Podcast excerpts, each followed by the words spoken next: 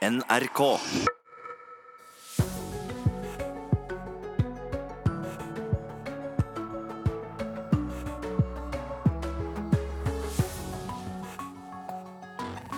God morgen. Det var altså riktig som ryktene sa. Nord-Koreas leder har hatt hemmelige møter i Beijing. Jeg mener at sakene har blitt konkludert med nå. Det viser bare at varslerne ikke blir tatt på alvor. Ja, ungdommer i Fremskrittspartiet er ikke fornøyde med hvordan ledelsen i partiet håndterer eh, saker om seksuell trakassering. Og Norge har eh, flere tusen tonn lammekjøtt på lager, samtidig som vi importerer store mengder av det. Ja, dette er blant sakene i første del av dagens sending. Velkommen til Nyhetsmorgen. Jeg heter Ida Creed. Kinesiske myndigheter bekrefter i dag at Nord-Koreas leder Kim Jong-un har besøkt Beijing. Dette var hans første utenlandsreise etter at han eh, fikk makten i landet.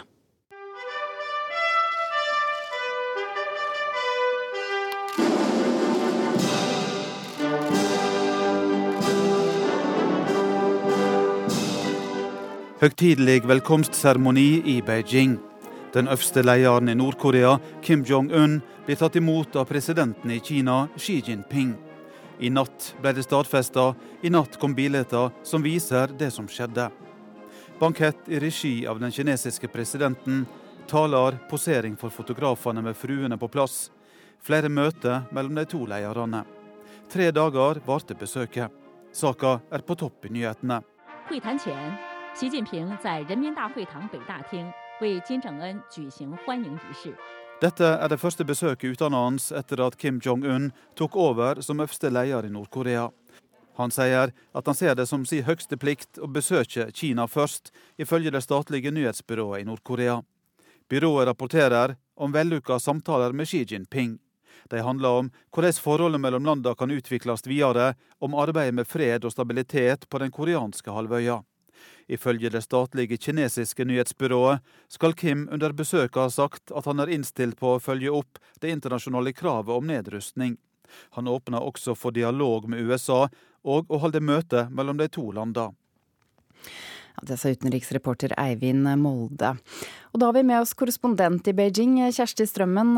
Kim Jong-un skal ha sagt at han var innstilt på atomnedrustning, ifølge det statlige kinesiske nyhetsbyrået. Det høres ut som veldig gode nyheter, men hvor troverdig er det?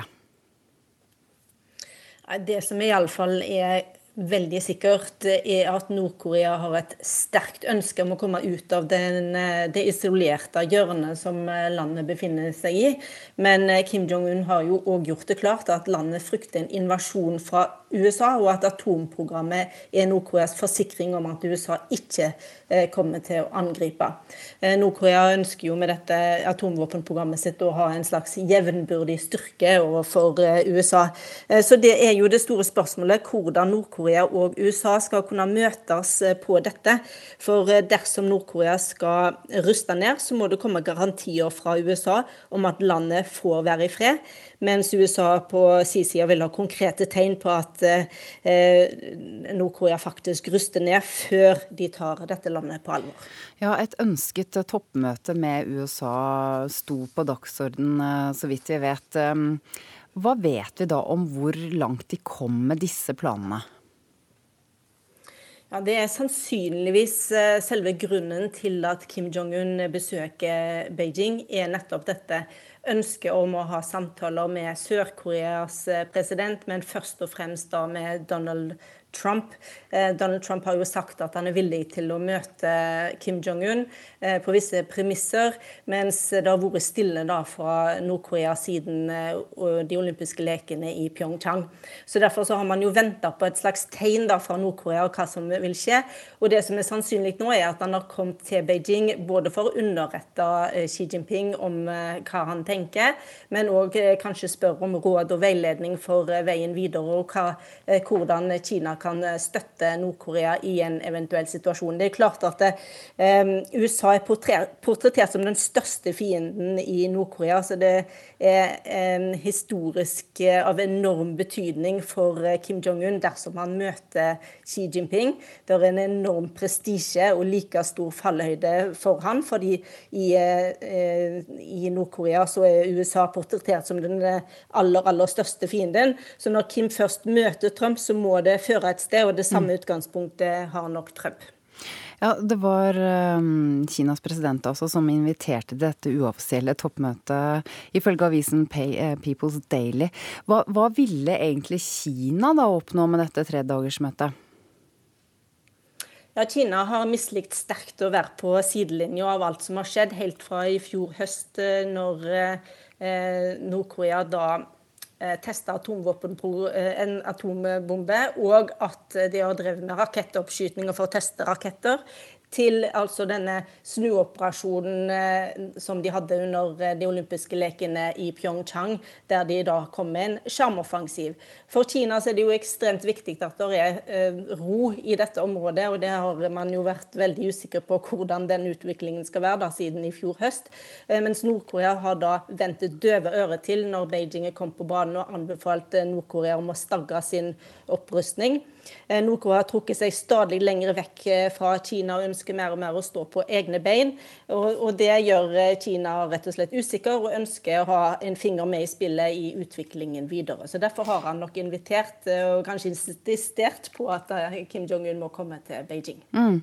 Men hva slags reaksjoner har det da kommet på besøket? Vi ser at Japans statsminister har sagt noe.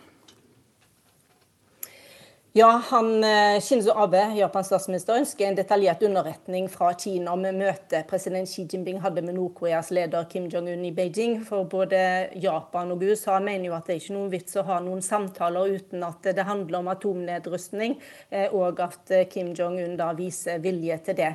Men for Sør-Korea og Kina, som vet, er det jo viktig med dialog i utgangspunktet, og så tar de det derfra.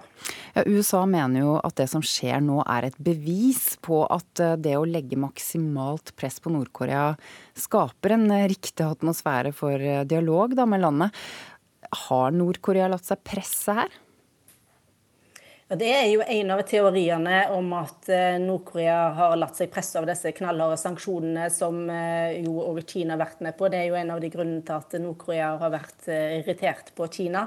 Men det kan òg være nettopp det at Nord-Korea har klart å ruste opp så sterkt at de rett og slett er såpass jevnbyrdige, eller iallfall er redd ikke er redd for et angrep fra USA, som gjør at de nå kommer på banen. For det har nok vært lenge viktig for Nord-Korea å bli tatt på alvor av USA. USA. Man har eh, gjennom historien sett at de ønsker å ha samtaler med USA, men at dette alltid da har blitt skrinlagt på et eller annet punkt fra den ene eller den andre siden. Takk for at du var med oss igjen, korrespondent i Beijing, eh, Kjersti Strømmen.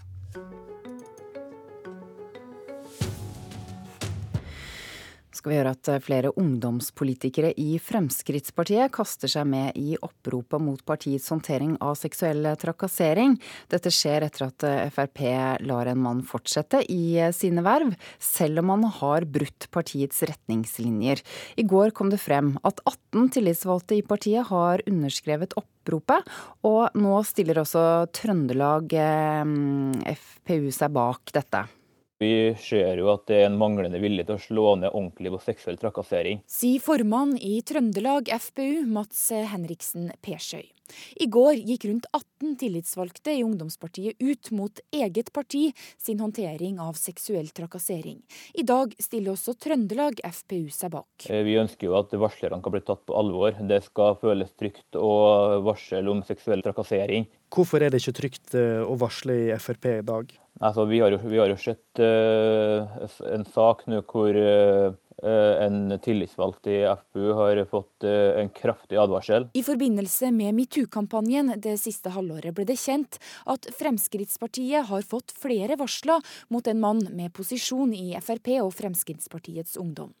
Mannen har bl.a. sendt forespørsler om sex til en 14-åring, og flere jenter sier de har trukket seg fra partiet etter seksuell trakassering fra mannen. Selv har han forklart at seksmeldingene var ment som en spøk, men utelukker ikke upassende oppførsel. Frp har konkludert og mener mannen har brutt partiet sine retningslinjer, men lar han likevel fortsette i sine posisjoner i Frp og Ungdomspartiet. Tidligere denne uka forsvarte leder av partiets organisasjonsutvalg, Helge André Njåstad, konklusjonen i Politisk kvarter. Du, du, sier det, du, sier det, at du ser alvorlig på det, men likevel så får han da fortsette i viktige verv i partiet og i ungdomsorganisasjonen. Hvordan forklarer du det? Fordi at eh, forholdene ligger langt tilbake i tid, og det har vært en atferdsendring i et element. Eh, men tillitsverv er jo ikke noe man har på eh, som evig tid i et parti. Det er jo verv som gjelder for en kortere tid, og som må gjenvelges. Og da er det da organet som, som velger deg som må uttrykke om man fremdeles har tillit, og om man får nye perioder i de tillitsvervene som man har. Så det er ikke noe som som man sitter i til, til, evig tid. Det er ting som man må gjøre seg fortjente gjennom tillit hele veien. Men reaksjonen er det mange ungdomspolitikere i partiet som ikke forstår. Fremskrittspartiets håndtering av eh, seksuell trakassering er helt bak mål. Sier fylkesleder i FPU Hordaland, Martin Virkesdal Jonsterhaug. Det er han som står bak oppropet mot eget parti. Rundt 18 stykker har skrevet under, og nå også Trøndelag. Hva er det du ønsker at partiet ditt nå skal gjøre? Jeg, jeg ønsker at uh, vi skal se på hvordan man går gjennom seksuelle uh, trakasseringssaker og andre varslersaker. Jeg mener at sakene har blitt konkludert med nå. Det viser bare at varslerne ikke blir tatt på alvor. Det er synd for partikulturen. Og jeg, det er nødvendig at man har et sånt opprop nå for å få endra på måten det jobbes, jobbes på i partiet. Det har ikke lyktes NRK å komme i kontakt med lederen i organisasjonsutvalget Helge André Njåstad i dag. I går ønska verken han eller partileder Siv Jensen å kommentere saken. Reportere her var eh, Marit Gjelland og Espen Breivik. Bjørn Myklebust, programleder i Politisk kvarter i dag. Eh, du skal også snakke om dette opprøret i eh, Fremskrittspartiet.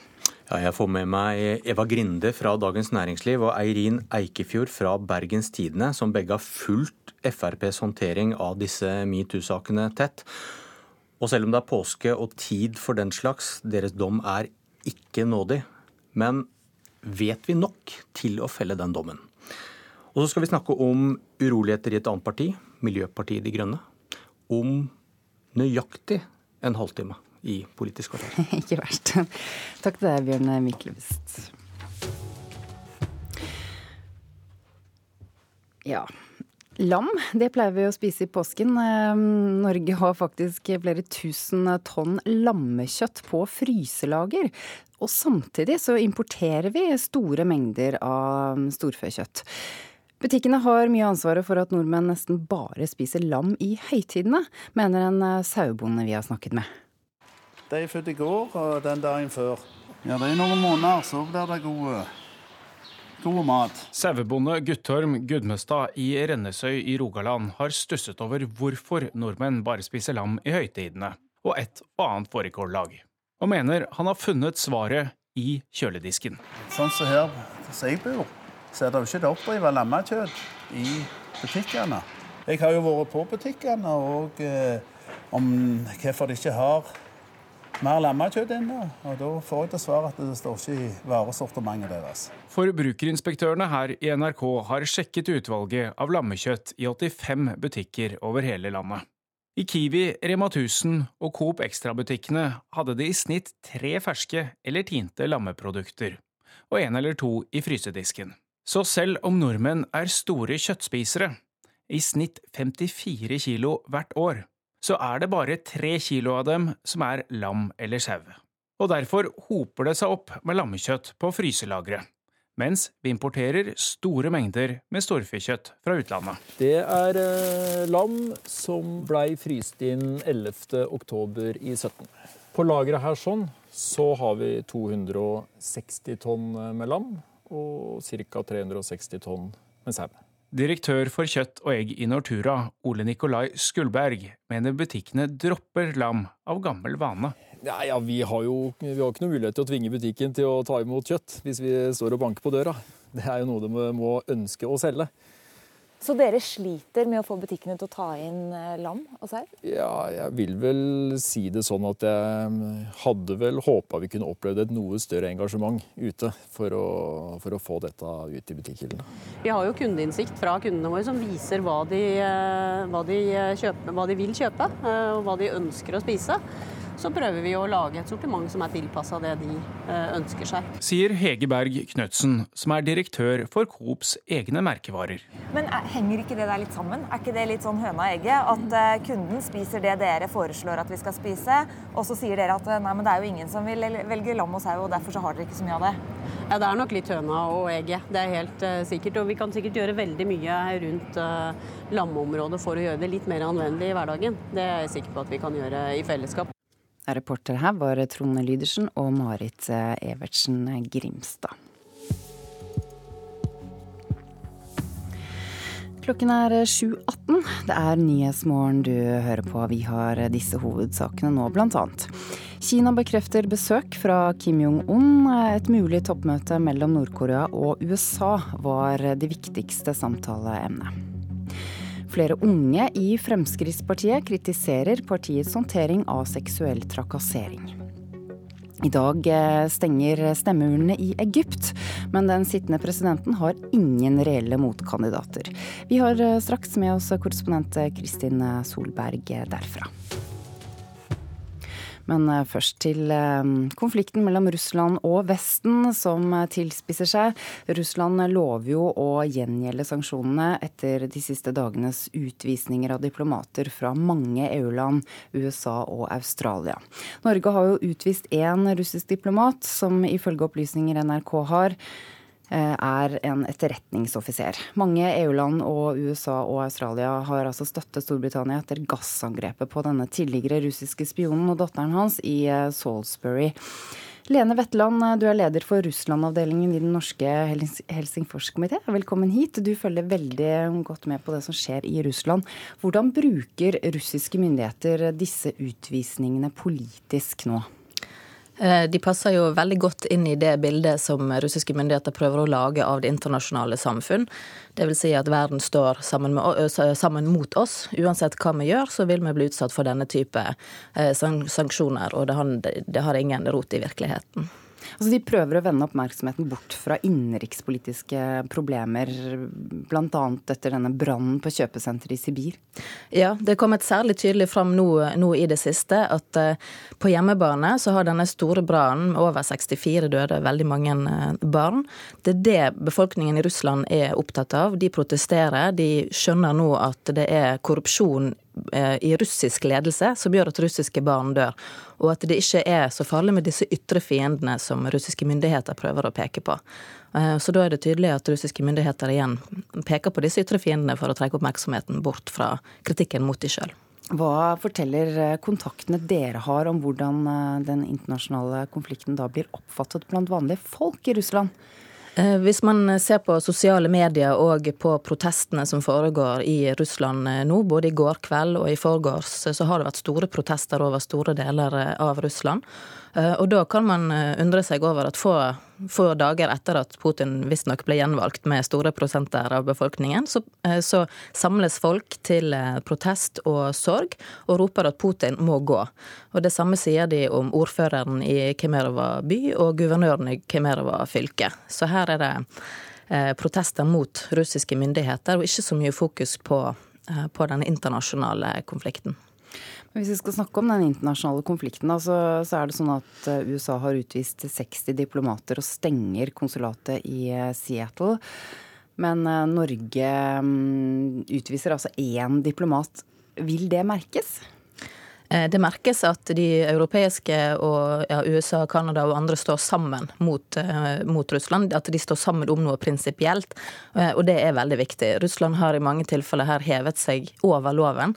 Mens eh, med denne samlede responsen så viser eh, vestlige stater at de står sammen om noe prinsipielt, og det er veldig viktig. Eh, nå er jo akkurat dette med diplomatiske utvisninger osv. det er jo noe som nesten har blitt rutine. Så man kunne jo ha tenkt at man kunne ha brukt andre muligheter, som f.eks.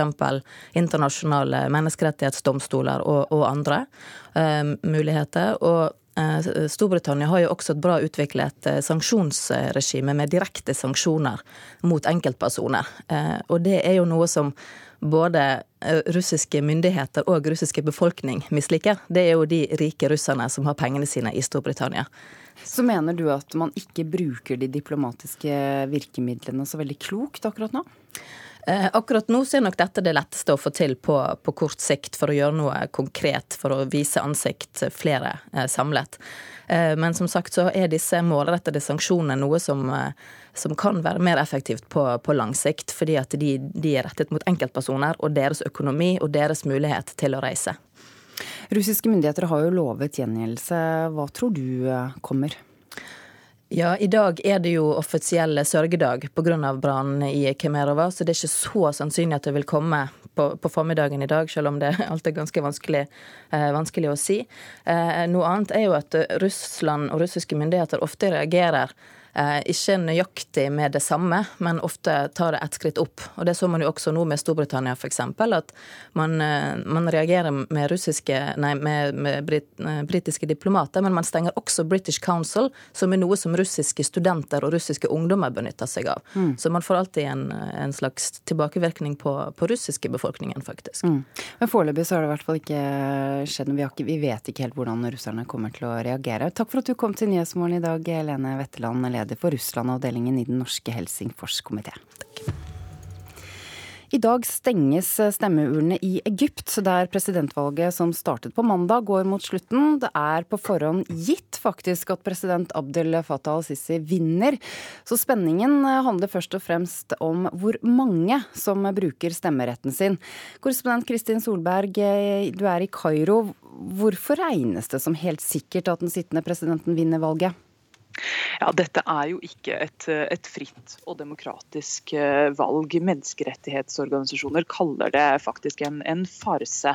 Vi ser at det, den politiske friheten og ytringsfriheten i Egypt er verre enn på mange tiår. Uh, og valget det holdes i, en, i et undertrykkende klima der, der opposisjonen til, til, president Sisi er blitt eh, slått hardt ned på. Vi ser bl.a. at reelle opposisjonskandidater i dette valget enten enten er blitt eh, arrestert eller har trukket seg. Og Den eneste motstanderen som, som Sisi har, er eh, en for mange egyptere eh, ganske ukjent figur, som, som, som har vært lojal til Sisi. Faktisk så støttet han president Sisi for en ny presidentperiode helt frem til dagen før han registrerte seg som kandidat. Ja, Vi hadde jo en forsker fra Prio her for noen dager siden som sa at opposisjonen i Egypt er rett og slett et skuespill. Det er ikke reelt.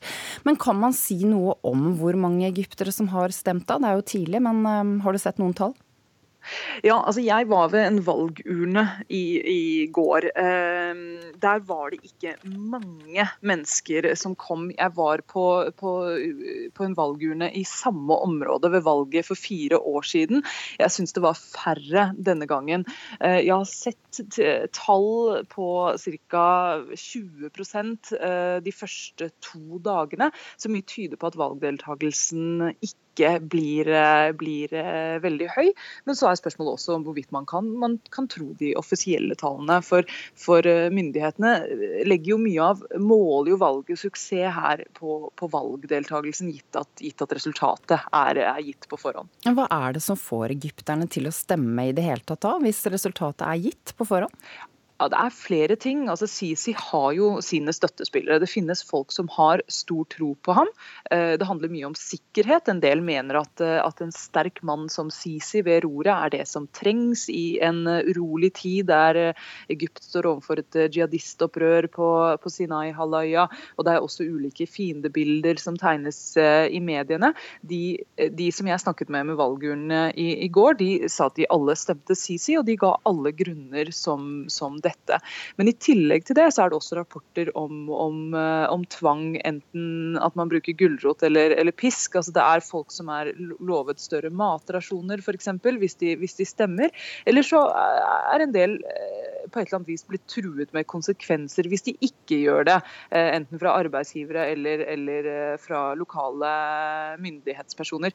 Og til slutt så har det vært et betydelig press i mediene her. Altså man, hvis man leser egyptiske aviser, så blir folk oppfordret til å stemme at dette er en patriotisk plikt.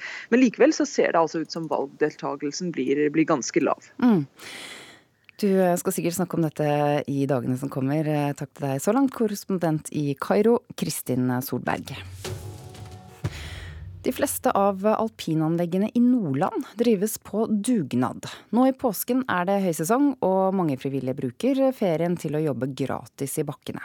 En av dem er Bjørn Otto Hansen, som for femte år på rad tilbringer påsken, påsken i Vestvatn alpinanlegg i misvær. Nei, her så stiller vi altså da ski og finner utstyr til de som trenger altså da slalåm og eventuelt brett i bakken.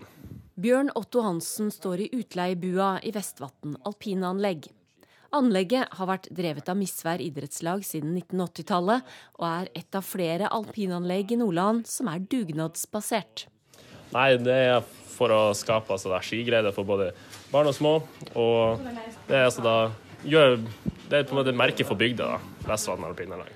Også i Sortland, Glomfjord og Stamsund er det alpinanlegg som drives av frivillige. De frivillige er ryggraden i det som, som vi driver med her. Sier Linda Sandåker, som er fungerende daglig leder i Vestvatn alpinanlegg. Hun sier at det går med rundt 6000 dugnadstimer i sesongen for å holde anlegget i gang. For den lille bygda er dette et stort løft, men det er ikke vanskelig å få folk til å stille. Senest i går så fikk jeg telefon til ei dame som har flytta, som sier at trenger du hjelp på onsdag, torsdag, fredag. Jeg er klar. Og det er, jo, det er jo en sånn glede når folk stiller opp på en sånn måte. Ti personer er på plass hver dag for å holde anlegget med egen kafé i gang i påska. Ifølge Sandåker går anlegget i null. Det er med andre ord ikke store penger å tjene på å drive alpinanlegget. For Bjørn Otto Hansen, som jobber frivillig, er uansett samholdet en viktig motivasjon for å stille opp år etter år. Ja, selvfølgelig. Det, det er nesten hele bygda som stiller opp. og både Mange fra Misvær som både jobber på dugnad og har en liten stilling her. Så vi, vi misværinger vi, vi stiller opp for resten av Vatna kvinnelag. Reporter i Nordland Kari Skei og Niklas Aune Johnsen.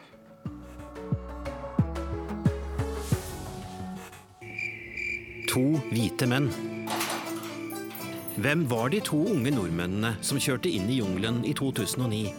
Og hva skulle de der? Vi var på en motorsykkeltur eh, inn i Kongo. Og eh, der skulle vi løse en, et lite oppdrag før vi skulle dra ut av landet igjen.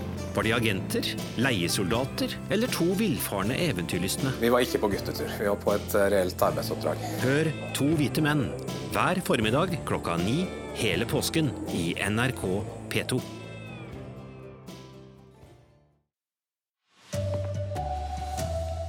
Kina stadfester besøk av eh, den nordkoreanske diktatoren Kim Jong-un. Ungdommer i Frp er ikke nøyd med hvordan ledelsen håndterer varsel om seksuell trakassering. Sogn og Fjordane knuser sparegrisen før ekteskapet med Hordaland for å sikre egne verdier. Her er NRK Dagsnytt klokka 7.30. Kinesiske styresmakter stadfester at Kim Jong-un har vitja Beijing. Dette er den første utenlandsreisa til Kim siden han kom til makta.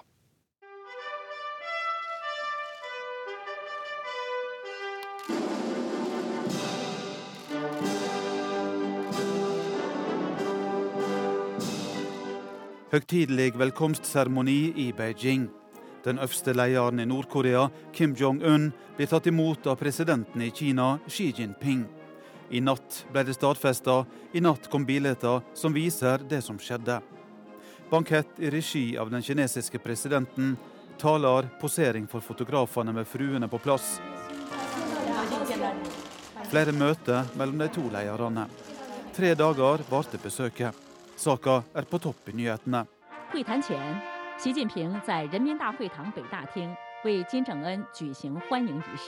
Dette er det første besøket utenlands etter at Kim Jong-un tok over som øverste leder i Nord-Korea. Han sier at han ser det som sin høyeste plikt å besøke Kina først, ifølge det statlige nyhetsbyrået i Nord-Korea. Byrået rapporterer om vellykka samtaler med Xi Jinping. De handler om hvordan forholdet mellom landene kan utvikles videre, om arbeidet med fred og stabilitet på den koreanske halvøya. Ifølge det statlige kinesiske nyhetsbyrået skal Kim under besøket ha sagt at han er innstilt på å følge opp det internasjonale kravet om nedrustning. Han åpner også for dialog med USA og å holde møte mellom de to landene. Reporter Eivind Molde. Asia-korrespondent Kjersti Strømmen, ifølge nyhetsbyrået Xinhua har altså det viktigste temaet vært atomnedrusting, og det er vel rimelig å tro på? Ja, det aller viktigste har nok vært eh, da for Kim Jong-un å komme til Beijing eh, nettopp å snakke med Xi Jinping om eh, dette eventuelle møtet med Amerika, USAs president Donald Trump. Men i det så må man jo da komme inn på atomvåpennedrustning, fordi at det er det det møtet kommer til å handle om. Og så har det kommet fram at det er Kina som har invitert Kim. Hvor viktig har det vært for Kina å få til møtet? Det er særdeles viktig, fordi eh, alt som skjer på Koreahalvøya har betydning for, USA, for eh, Kina, som jo er nærmeste nabo. Og Kina har vært på sidelinja både i høst, når eh, Nord-Korea trapper opp sitt atomvåpenprogram med å teste en atombombe, og siden òg har eh, drevet en del rakettoppskytinger. Eh, Kina har òg vært på sidelinja når da Nord-Korea begynte sin skjermoffensiv under OL i Pyeongchang i Sør-Korea.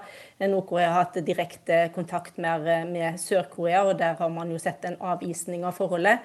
Og Kina ønsker nå å ha en finger med i spillet, selv om altså Nord-Korea har vært rasende på eh, Kina for at landet har vært med på stadig sterkere, eh, hardere sanksjoner eh, mot Nord-Korea. Nå har de nok, når dette møtet mellom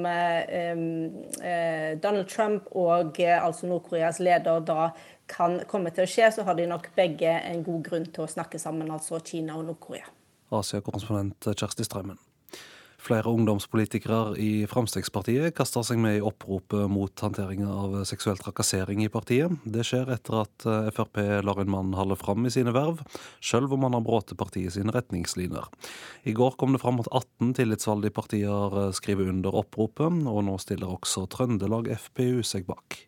Vi ser jo at det er en manglende vilje til å slå ned ordentlig på seksuell trakassering. Sier formann i Trøndelag FPU, Mats Henriksen Persøy. Eh, vi ønsker jo at varslerne kan bli tatt på alvor. Det skal føles trygt å varsle om seksuell trakassering. Hvorfor er det ikke trygt eh, å varsle i Frp i dag? Vi har jo sett uh, en sak nå hvor eh, en tillitsvalgt i FPU har fått en kraftig advarsel. I forbindelse med metoo-kampanjen det siste halvåret ble det kjent at Fremskrittspartiet har fått flere varsler mot en mann med posisjon i Frp og Fremskrittspartiets Ungdom. Mannen har bl.a. sendt forespørsler om sex til en 14-åring, og flere jenter sier de har trukket seg fra partiet etter seksuell trakassering fra mannen.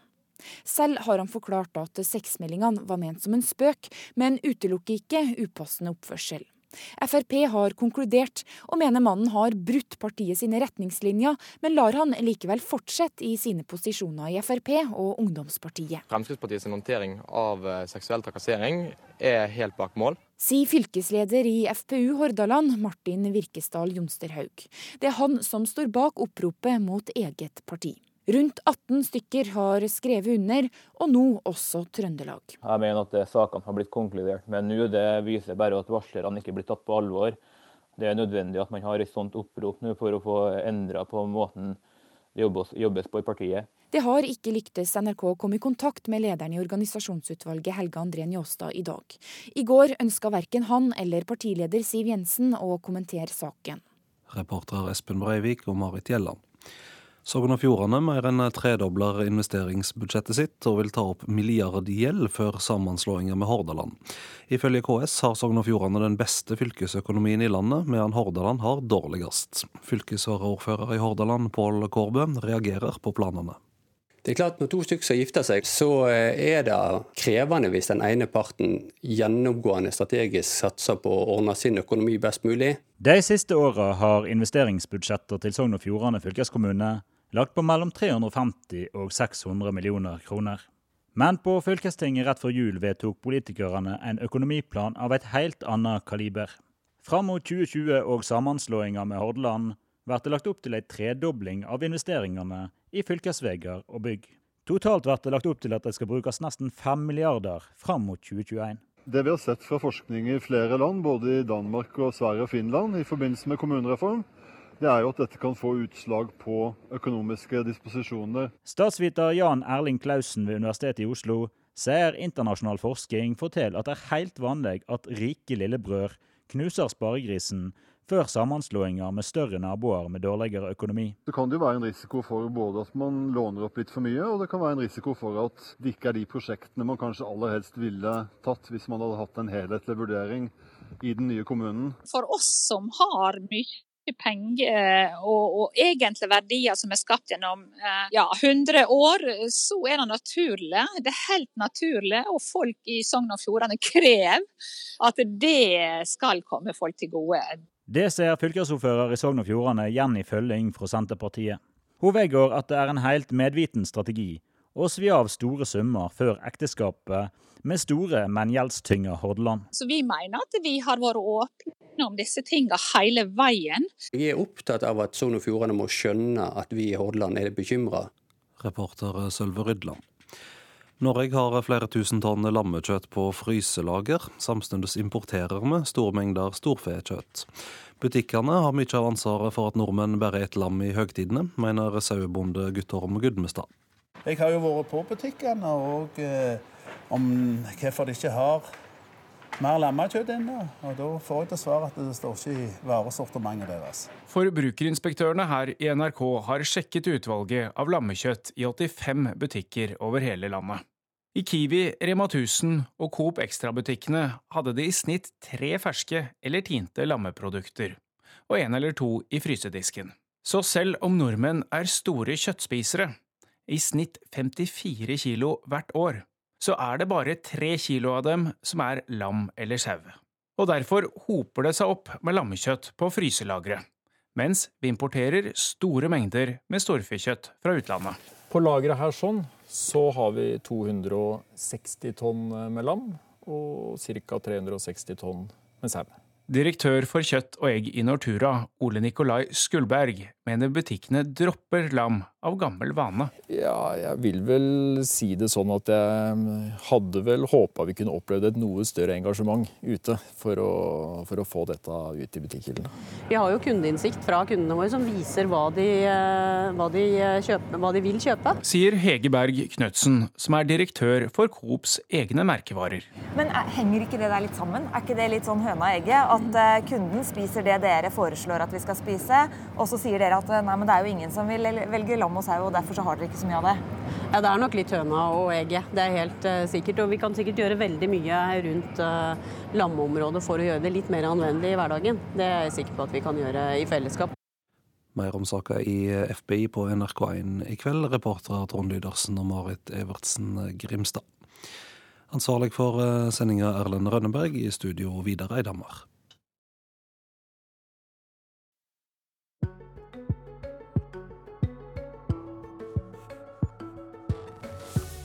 Vi må fortsette å hilse på hverandre når vi går forbi ute på tur, oppfordrer Den norske turistforening.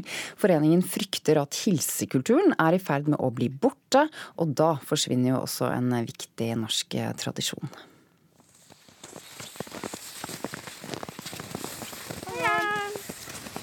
Et lite hei når vi går forbi hverandre i skiløypa eller i marka. Det er tradisjon for slikt her i landet. Hei, morgen, morgen. Morgen. morgen. Du, når du treffer folk i marka, ja. hilser du på folk da? Alltid. Gjør du det? Ja. ja. Jeg gjør det. Hvorfor gjør du det, da? Nei, det er kutyme det. Når du går på ski, så hilser du. Men har det blitt mindre hilsing? Ja. Er hilsekulturen i ferd med å forvitre? Vi håper jo ikke det. da. Jeg syns det er en viktig del av å være på tur. Men vi hilser ikke like mye som før? Nei, vi gjør nok ikke det. Det sier Johan Fegri fra Turistforeningen i Drammen. Han har også observert at det hilses mindre når han er ute i marka, og han har tenkt på hva det kan skyldes. Jeg tror nok det har litt med at vi, det, er, det, er, veldig mye folk som er ute på nå. Det er veldig populært å komme seg ut på både store og små, korte og lange turer. Og da og, er det kanskje ikke så naturlig lenger. Det er veldig mye folk. Så, sånn som på søndag så er ikke det så naturlig å hilse, for da fyker du bare forbi hverandre. Når jeg er en, et stykke på fjellet eller ute i marka, så hilser jeg. Det er jeg opplært til. Hva sier du da, da? Da sier jeg hei, og eh, av og til så sier jeg ha en fin dag. Men alle er ikke lenger opplært til dette, forklarer Turistforeningens mann. Vi oppfordrer jo flest mulig til å komme seg ut på tur. Det er jo mange nye generasjoner, så det er nok et lite generasjonsskifte her også. Så det er litt derfor vi tar opp saken nå, for å, for å få med oss de nye generasjonene til å fortsette denne tradisjonen. Interessen for friluftsliv blir stadig større. Det er flere som tar i bruk skog, mark og fjell. Derfor vet ikke alle at det er tradisjon for å hilse på hverandre der ute. Slik har det alltid vært og bør forbli, mener Turistforeningen. På Eiksetra i Lier går skiløpere både raskt og sakte forbi. Hei, hilser du på folk som du eh, treffer i marka? Ja, stort sett så gjør jeg det. Men noen ganger så møter du noen som du ser ikke er så opptatt av å hilse, og da presser jeg meg ikke på. Nei. Men, men når du hilser da, hvordan gjør du det? Morgen, morgen, sier jeg. Men har vi blitt dårligere på å hilse på hverandre i marka? Kanskje det er fordi det er flere i marka. De som trener og skal bruke og bygge muskler og sånn, og, og kondisjon, kanskje ikke de er så opptatt av å hilse. Nei. Hilser de på deg? Nei, ikke bestandig det, nei. Hvorfor har det blitt mindre hilsing, da? Det er vanskelig å si. Har jeg ingen forklaring på, egentlig. Nei. Nei. Du, når du går i marka, hilser du på folk da? Ja, dem som har god tid. Hilser du på folk når du går sånn på ski i marka? Ja, det gjør jeg bestandig. Hvordan hilser du da? Hei. Ja. Og så kanskje sier fint å gå på ski i dag, eller Ja. Men ettersom det trengs litt voksenopplæring her, la oss spørre han som vil at vi skal fortsette å hilse på hverandre. Johan Fegri i Turistforeningen. Ja, når skal vi begynne å hilse? Det tror jeg man må føle litt på seg selv. Når man møter hverandre, så ser man hverandre i øynene, og da er det vel kanskje man Da er det jo fort gjort å hive ut et lite hils, Ja. er det ikke det? Ja, Hvordan skal vi hilse? Nei, noen eh, har foreslått morgen, morgen, og noen sier hei, eller et lite nikk. Det er vel kanskje en bevisstgjørelse på at man har sett hverandre, og at man har møtt hverandre? Holder det med et smil? Ja, det syns jeg. Ja. Ville det vært trist hvis vi slutta å hilse på hverandre ute i skog og mark? Ja, jeg syns det er en viktig tradisjon. Hvem er det som har ansvaret for at vi skal holde på den? Den som er ute og går. Og jeg husker at jeg lærte det, å gjøre det, fordi at vi skulle signalisere når vi er på fjellet at ja, jeg har sett det. Så i påsken så må vi hilse på hverandre i skiløypene? Helt klart. Ja. Det må man. Ja, Det nettopp. syns jeg absolutt at vi skal. Det er jo så lite som skal til. Ja, husk å hilse. Reporter ute i marka var Karoline Bekkelund Hauge.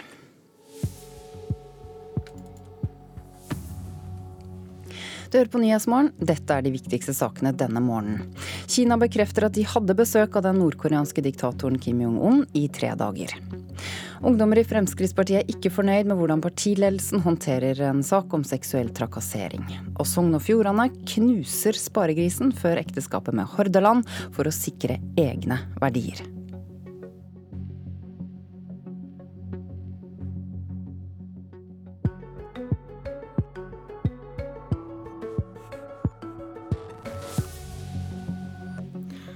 Påskefreden har kanskje ikke helt senket seg i Fremskrittspartiet og Miljøpartiet De Grønne. FrPs håndtering av metoo er en katastrofe for partiet, mener Frp-ungdommer. Og MDG-erne som melder seg ut av partiet, går ikke stille i dørene. Og til deg som har ryggrad til å være våken allerede nå, midt i påsken, velkommen til Politisk kvarter. Det er et påskeopprør på gang i Fremskrittspartiet. Stadig flere i FrPs ungdom stiller seg bak et opprop som hevder at partiet ikke tar seksuell trakassering på alvor. Den første som kom med kritikk, var Mats Ramom, bystyremedlem for Frp i Trondheim. Jeg tenker at det oppropet er velkomment. Eh, At flere nå eh, reiser seg opp i protest mot det som har foregått. Hvis du hadde datter, ville du ha latt dattera di vært med på et arrangement til Frp? På den linja som Helgan Njåstad og organisasjonsutvalget har lagt seg på, nei. Gjentatte ganger har opplevd grove tillitsbrudd og seksuell trakassering fra eh, medlemmer. Det blir rapportert oppover, det blir ikke tatt på alvor, og det fører bare til at man får seg et lite klaps på lanken. Lederen i FrPs organisasjonsutvalg som tar hånd om denne type saker, Helge André Njåstad, sier til Bergens Tidende jeg mener dette er en debatt som må tas internt. I Politisk kvarter på mandag sa han dette. Dette er noe vi har fokus på eh, hele veien, og det skal være trygt å være til stede på arrangement i, i vårt parti. Men jeg tror folk likevel forstår at vi ikke kan fortelle eh, hele historien ute i media, eh, fordi at dette berører både enkeltpersoner på, på den ene og den andre sida. Njåstad kunne ikke være med her i dag, og verken han eller partileder Siv Jensen ville snakke med NRK om den interne uroen i går. Men god morgen til Eirin Eikefjord, kommentator i Bergens Tidende. God morgen. Hva tenker du om opprøret vi ser blant noen av Frp-ungdommene nå? Altså det som er interessant her, er jo at endelig sier Frp-ere sjøl fra om det som har vært ganske åpenbart eh, fra utsiden ganske lenge. Nemlig det at det ser ut til å være en manglende vilje til å reagere mot seksuell trakassering i partiet. Og De peker òg på en kultur hvor talenter blir beskytta, og der de står nærmest fritt til å bryte regelverket uten konsekvenser. Hva tror du dette opprøret kan føre til?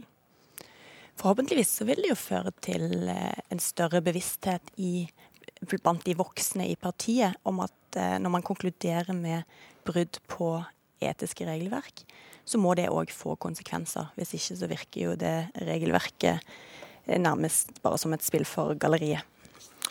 Eva Grinde, kommentator i Dagens Næringsliv. Hva, hva tror du disse protestene kan føre til i, i Frp? Ja, jeg syns det er litt håpefullt at uh, faktisk nå uh, de unge medlemmene i partiet nå uh, sier fra. Det man kan håpe på er jo selvfølgelig en, en debatt. de må gjerne ta den internt hvis den er god og, og fører til, til, til endring. jeg tror at ganske mange i Fremskrittspartiet f.eks.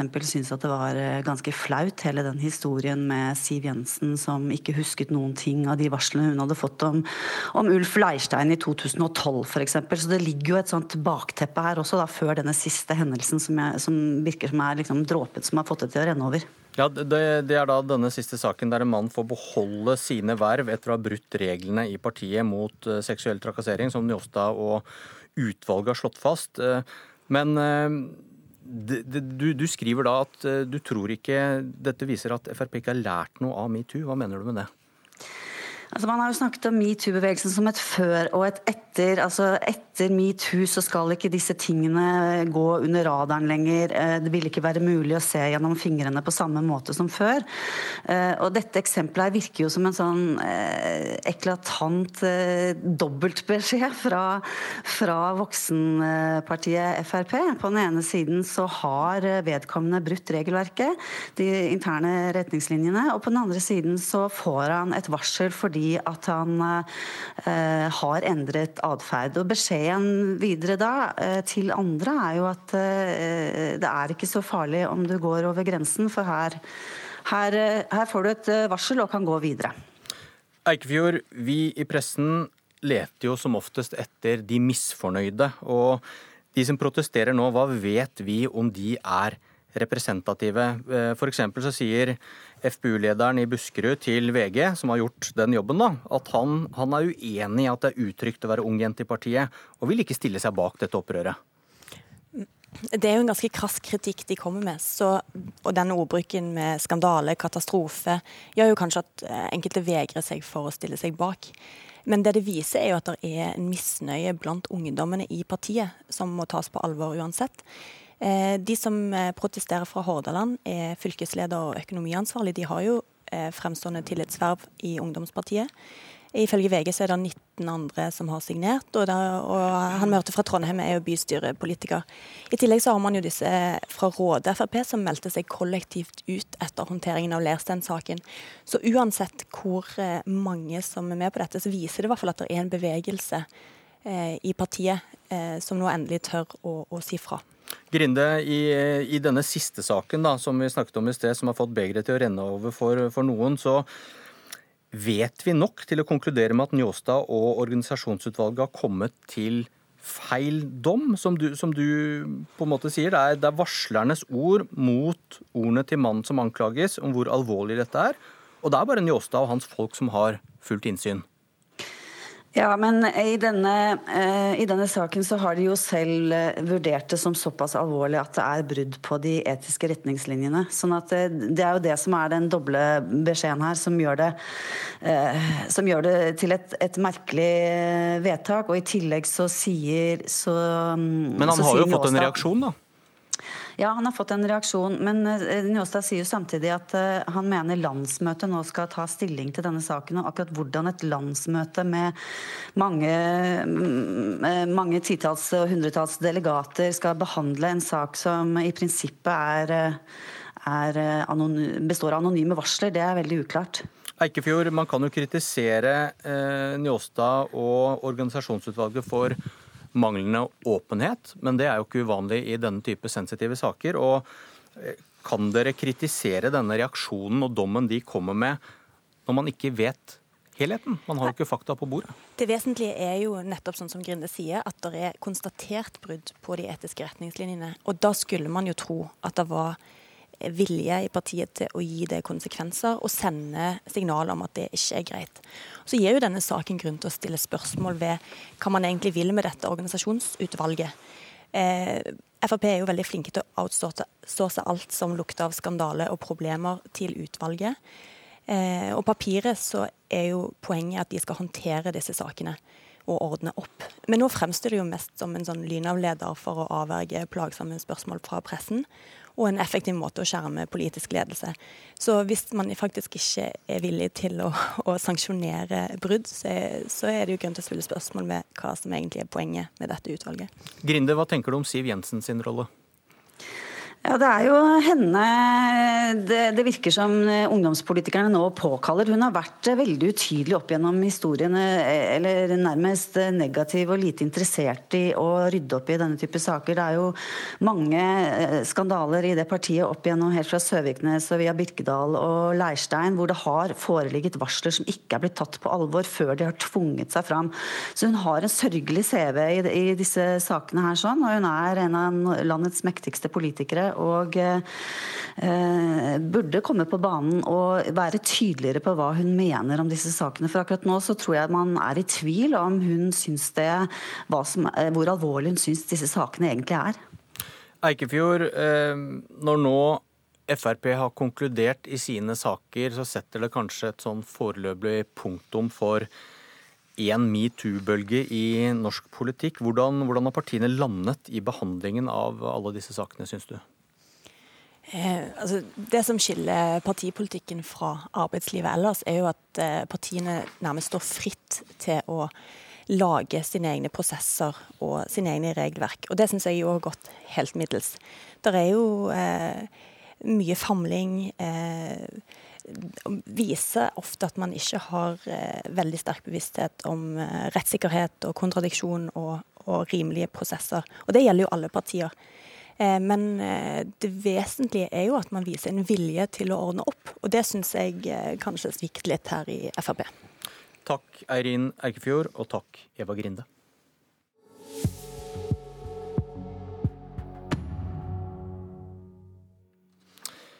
Det er urolig i Miljøpartiet De Grønne også. Vi har hørt anklager om ukultur, og flere har meldt seg ut av partiet. Morten Myksvold, kommentator i Bergens Tidende, du også. God morgen. God morgen. Rekken med utmeldinger kan være godt nytt for MDG, skriver du. Hva mener du med det? Altså, det finnes ingen partimedlem i Norge som et parti på lang sikt ikke kan klare seg uten. Eh, det er ingen som er så viktige for et parti at, at partiet ikke kan gå videre. Eh, på kort sikt så vil disse utmeldingene, fire i tallet for Bergen MDG sin del, være demotiverende. Det kan skade partiet fordi at en mister viktige ressurspersoner. Men disse utmeldingene virker òg som et, et, tegn på en endring i partiet som, som har gjort partiet veldig godt. Da. Eh, dette er en endring i partiet som har brakt makt, til makt i Oslo, eh, bl.a. Det, det er en endring i partiet som har brakt det inn på Stortinget. Eh, og Hvis det òg fører til et par utmeldinger fordi at partiet har forandra seg, så, så, er det på en måte en, en, del av omstillingen MDG har gått gjennom. Hva forteller det deg at noen av de som meldte seg ut i Bergen, gikk til SV? det var jo en koordinert aksjon. Det var to bystyremedlemmer og to varamedlemmer i, i MDG eh, som gikk over til SV. og det, det forteller meg jo at de, de tilhører venstresida. En, en, går ikke over til SV hvis en ikke eh, holder til på venstresida. Eh, en del av kritikken som kommer, eh, er jo at MDG har tatt en høyredreining. Eh, og med det betyr jo det at en har gått vekk fra å være et måtte, venstreparti til å bli et uh, sentrumsparti, eller blokknøytralt, som, som, de kaller det. De har blitt mer positive til EU de siste årene, um, til, i, likhet med andre grønne partier i Europa. Er det er, er ACER- eller ACER-striden og, og, da et utvida energisamarbeid med EU en sak som illustrerer dette her hjemme? Altså Det illustrerer forskjellen mellom det MDG var før og det MDG er nå. Altså Norge er som et EU-land å regne når det kommer til klimapolitikk. Det, det, der knytter regjeringen eh, oss til EU sine, sine, klimamål for et par år siden. Eh, og for MDG så, så vil jo da eh, et internasjonalt klimasamarbeid være veldig viktig. Det, det, er sånn en oppnår Parisavtalen. Og da, er det òg naturlig at partiet blir mer EU-vennlig enn det det har vært. Og Det er jo de internasjonale grønne partiene som har, har skrevet denne energipakka, som, som, nå har blitt så kontroversiell. Um, og den er kontroversiell innad i MDG og blir jo brukt som, som en av grunnene for å vise til at, at partiet har endra seg de siste årene. Men likevel så skriver du at eh, MDG skiller seg fra flokken. De, de skiller seg litt fra, fra sine søsterpartier i, i, i Europa. På hvilken måte? Altså det har veldig masse med hvordan de kom til i den norske partifloraen å gjøre. Altså Grønne partier i Europa har vart veldig lenge. Altså det, er, det er et gammelt fenomen. Eh, mens i Norge så er det veldig nytt. Eh, vi har hatt SV, vi har hatt Venstre primært, som har måtte, dekka klimafeltet. Men under den rød-grønne regjeringen mot slutten av den perioden eh, så mista SV miljøtroverdighet. Venstre eh, hadde samarbeidsspørsmål knyttet til Frp som gjorde at deres miljøtroverdighet ble lavere. Og det skapte et rom for, for det MDG som vi, vi, ser i dag. Tror du på ytterligere avskalling til venstre? Eh, eller er partiet på en måte ferdig med uroen? Altså, det er vanskelig å si. Altså, de rapporterer jo at de har hatt medlemsvekst gjennom denne perioden. her. Eh, men de mister jo noen viktige tillitsvalgte. Eh, om den avskallingen bare går mot, i retning SV, eh, eller om det kommer en motreaksjon, er jo vanskelig å si. Men, men det virker jo det, det, siste året, eller to årene, så virker det jo som om MDG har funnet posisjonen sin. Da. Eh, at den er i sentrum, og ikke som et SV uten sosialisme. Til slutt, eh, kort, apropos avskalling til Venstre. Hvorfor ser de interne kritikerne på deler av politikken til partiet som usosial? Altså, MDG de har en tilnærming til klimapolitikk som skiller seg veldig fra, fra SV sin på, på ett område. og det er at det er ikke så viktig om politikken er omfordelende om, uh, eller ikke. Altså, SV vil, måte, vil kutte klimautslipp, men de vil samtidig utjevne forskjeller. Mens MDG går òg inn, uh, inn, for klimakutt som ikke utjevner forskjeller. Altså De gir penger til, okay. til elsykler, elbiler og sånne ting. som ikke er så utjevne. Morten Myksvold, jeg må brutalt avbryte deg og si god påske. Dette var Politisk kvarter.